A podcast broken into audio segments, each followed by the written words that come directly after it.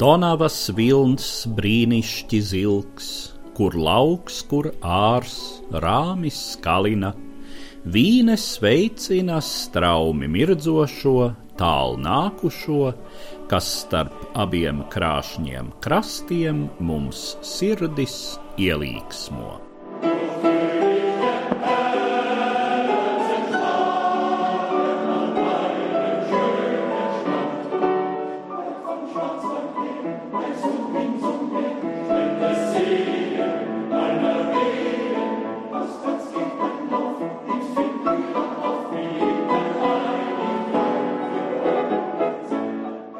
Vīnes vīru kora biedrībai bija pašai savs algots dzinieks Jozefs Veils, un ar šiem viņa vārdiem kora tenori un basi 1867. gada 13. februārī pirmo reizi izdziedāja melodiju, kuru šodien visa pasaule pazīst ar nosaukumu Pie skaistās zilās Donavas. Laiks, kad Johans Strauss jaunākais komponēja šo savu domājams pazīstamāko valsi, viņa dzimtenei bija visai grūts. Donavas impērija, par kuru vēl pirms simt gadiem tika teikts, ka Austrija var visu, ja tikai grib, nu pat bija cietusi spēju un visai pazemojošu sakāvi karā pret Prūsiju, kas iezīmēja Centrāla Eiropas varas smagumpunkta pārvietošanos no Vīnes uz Berlīni. Tomēr Vīne joprojām palika Eiropas un pasaules mūzikas galvaspilsēta. Cita starpā arī pateicoties valšu karalim Johanam Štrausam.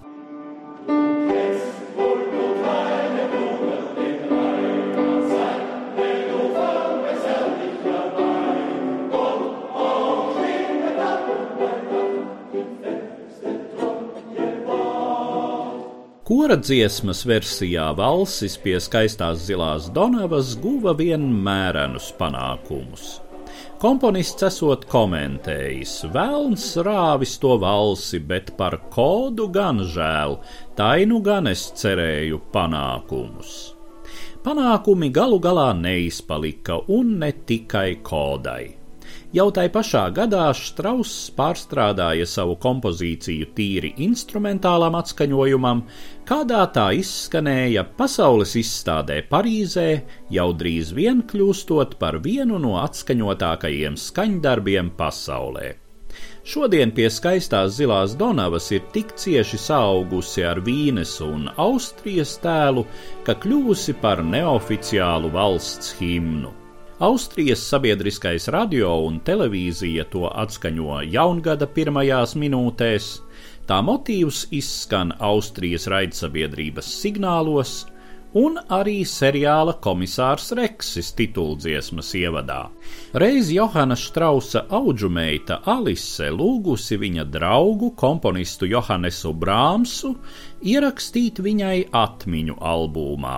Parasti Brāms smēdzis šādos gadījumos atstāt par piemiņu dažas taktis no kādas savas kompozīcijas, taču šoreiz tās bijušas taktis no valša pie skaistās zilās Donavas, ar piezīmi: Diemžēl ne Johannesa Brāmsa mūzika.